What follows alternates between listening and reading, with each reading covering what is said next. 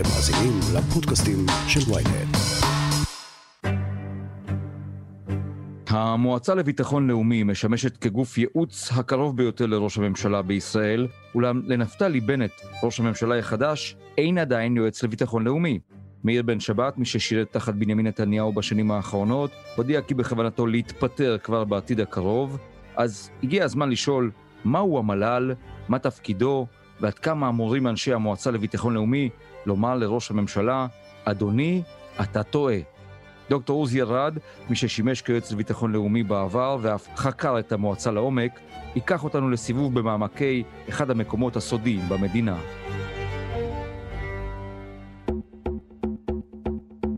הכותרת, הפודקאסט היומי של ynet עם עטילה שומפלבי. דוקטור אה, ארד, ראש ממשלה בלי מל"ל, בלי יועץ לביטחון לאומי, יכול לתפקד?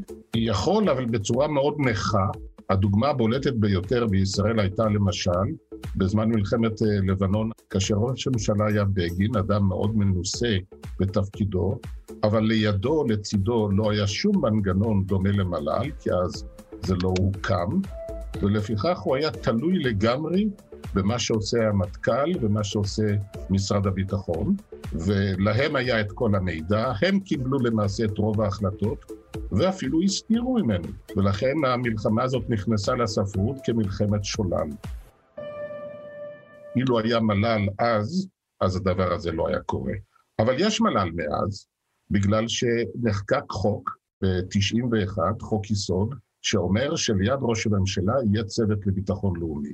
כפחות מעשר שנים אחר כך, בקדנציה הראשונה של נתניהו, כאשר אני אז לצידו כיועץ מדיני, מוקם המל"ל מכוח החלטת ממשלה. ואז כבר נאמרים מה התחומי האחריות שלו.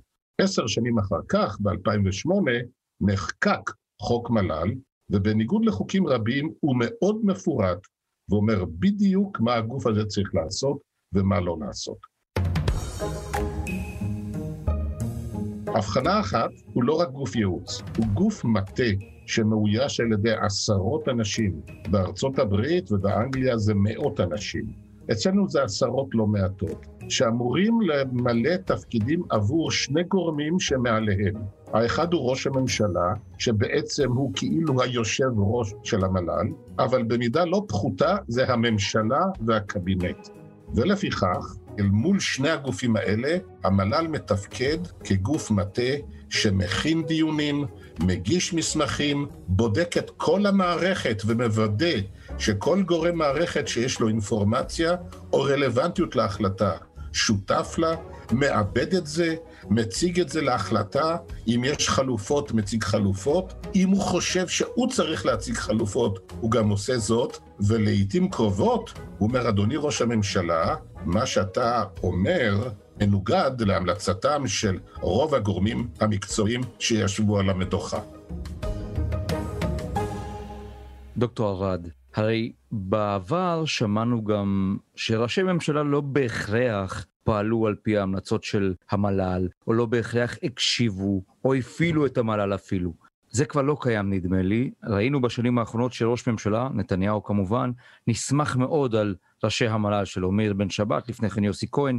מה קרה שם בעצם? מתי זה הפך לכל כך קרדינלי בקבלת ההחלטות? תראה, אנחנו יכולים גם להשוות את זה כאמור לגופים הדומים בארצות המתקדמות, כמו נאמר אנגליה, ארצות הברית. שם גם יש מל"ל, וגם שם משימותיו מוגדרות כחוק והוא ארגון מסודר.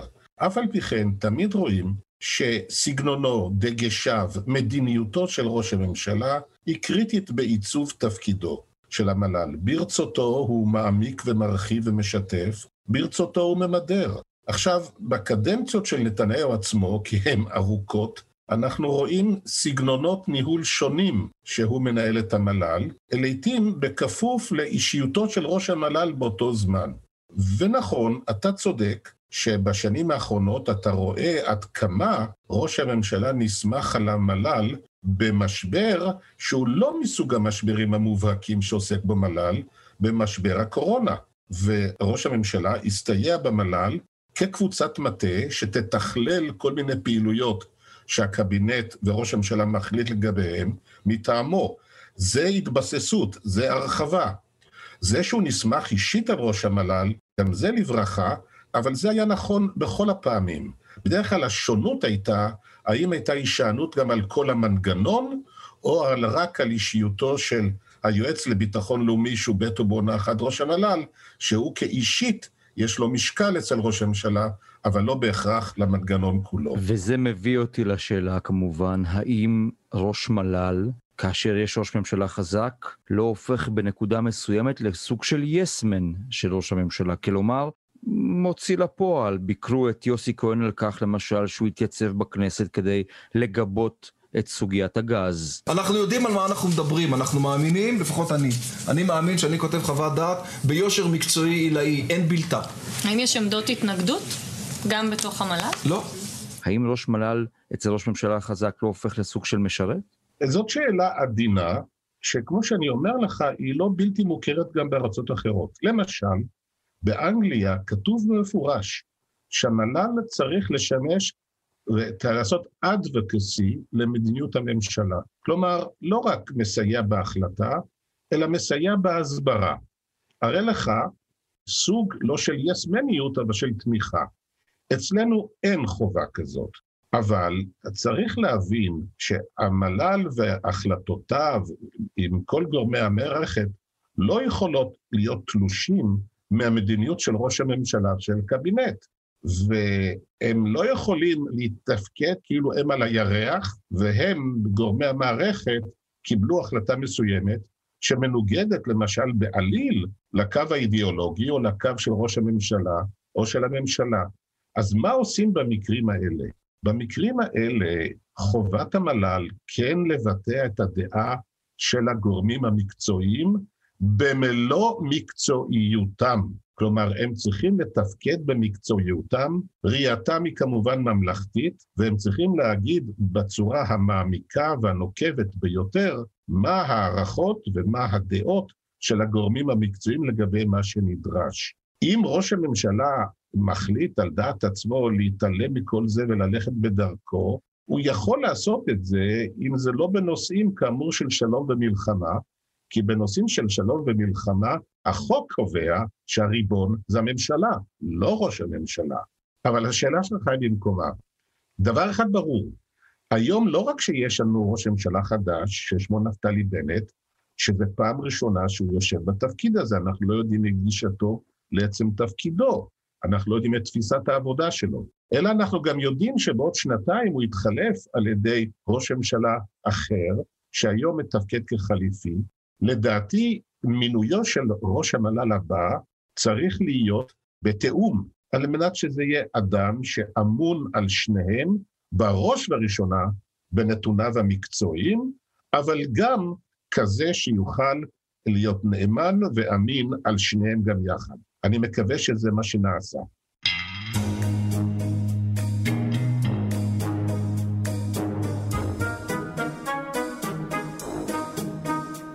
דוקטור ארד, האם יש משימות סודיות שראש מל"ל ממלא בתפקידו? האם הוא שליח מיוחד של ראש הממשלה?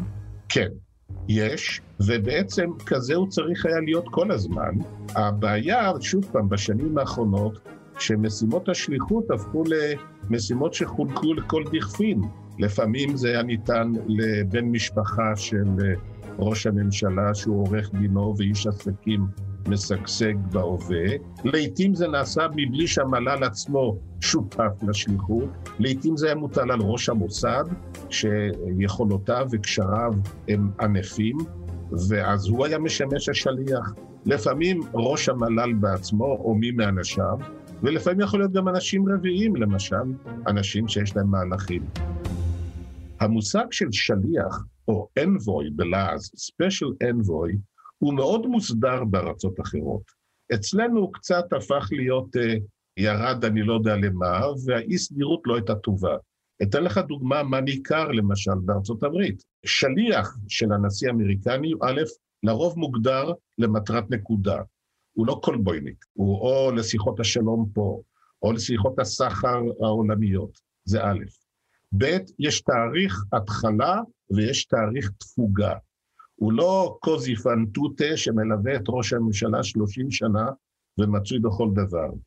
ולכן, עם ההגבלות הללו, ותוך זה שהוא מאוד ממושטר בתוך המערכת, בארצות הברית יש לעיתים כ-30 אנשים שמוגדרים כשליחו של הנשיא. כך גם צריך להיות בארץ, לא צריך כל כך הרבה, אבל צריך להיות מוסדר, מתוקן, ולעולם לא לעשות את זה בצורה של ניגודי עניינים, כפי שאירע עכשיו, שאנשי עסקים פרטיים, היה להם רגל פה ורגל שם. צה"ל נמצא היום במקום אחר לגמרי. לוחמינו נחושים יותר, מקצועיים יותר, מצוידים יותר. אם וכאשר נידרש להפעיל את עוצמתנו, נהיה גם קטלניים יותר. כשאתה מסתכל על uh, ראש הממשלה הנוכחי, נפתלי בנט, שבא ללא יועץ לביטחון לאומי בשרוול, והוא מחפש אחד, האם זה אמור להטריד אותנו? אני מאוד מקווה שהוא מחפש, והוא עושה את זה בשיטתיות. עכשיו, להזכירך שהוא היה שר ביטחון, להזכירך שהוא ישב בקבינטים קודמים, הוא גם זוכר שבעקבות הביקורת שלו על תפקוד הקבינט בצוק איתן, קמה אחר כך ועדה, הוועדת עמידרור, שניסתה לגהץ ולהגדיר יותר טוב את חובות המל"ל מול השרים ומול הממשלה. כל זה הוא יודע. לפיכך, חזקה עליי שהוא בוחן את המועמדים השונים. אני מאוד מקווה שהוא לא ירד ברמת המקצועיות. אני מוטרד מירידה של רמת המקצועיות במקומות השונים. פה אתה צריך שראש המל"ל, זה החוק דורש, שהוא יהיה בקיא בנושא חוץ וביטחון, אבל יתר הסגל של המל"ל גם כן צריכים להיות איכותיים. את מי הוא יבחר? הוא יבחר כנראה מתוך מצאי של אנשים שחלקם מציעים את עצמם אליו. אני מתאר לעצמי שיש כאלה גם, אבל הוא גם יכול לבחור מתוך אנשים שהוא כבר אולי הכיר בתפקידיו כשר ביטחון, ואני מקווה שזה יהיה מינוי מיטבי. האיש או האישה, כרגע אני לא רואה אישה, אבל בעיקרון זה לא צריך שלא יקרה, האיש או האישה הטובים ביותר בנתוניהם, כפי שמוגדרים על פי חוק, וכפי שהם בעולם כולו, לתפקיד חשוב זה. ואני רוצה להגיד, אטילה, ראה נא דברי הרמטכ"ל רק בימים האחרונים. כעם אשר נלחם על זכותו לחיות במדינה עצמאית, ריבונית ומשגשגת, אל לנו לשכוח כי עודנו נדרשים לעמוד איתן כנגד צבאות טרור מצפון ומדרום, במרכז ובמזרח. אתה רואה רמטכ"ל שמביא בחשבון אפשרות של מלחמה בגזרת עזה, שמביא בחשבון מלחמה בגזרה הצפונית, שמביא בחשבון צורך שנפעל צבאית מול איראן. אתה רואה עולם רוגש סביבנו גם בנושאים המדיניים, לרבות המשא ומתן המדיני עם איראן על תוכנית הגרעינית שלה, אתה רואה התרחשויות בכל עבר. סדר היום של הבעיות הביטחוניות והדיפלומטיות של ישראל הוא קשה, מסובך, מורכב, ואתה פשוט צריך שהטובים ביותר, המנוסים ביותר, הם אלה שימלאו את תפקידי המטה, וגם אז ההצלחה לא מובטחת. אבל אם הם לא יהיו כאלה, זה תהיה בכייה לדורות. דוקטור עוזי ארד, מי שהיה בעברו ראש המל"ל, תודה רבה על התובנות המחכימות האלה. תודה רבה. תודה לך. עד כאן הכותרת להיום. מחר נהיה כאן שוב עם פרק נוסף. אתם מוזמנים להזין לפרקים נוספים בוויינט, בספוטיפיי, באפל ובכל אפליקציות הפודקאסטים באשר הן.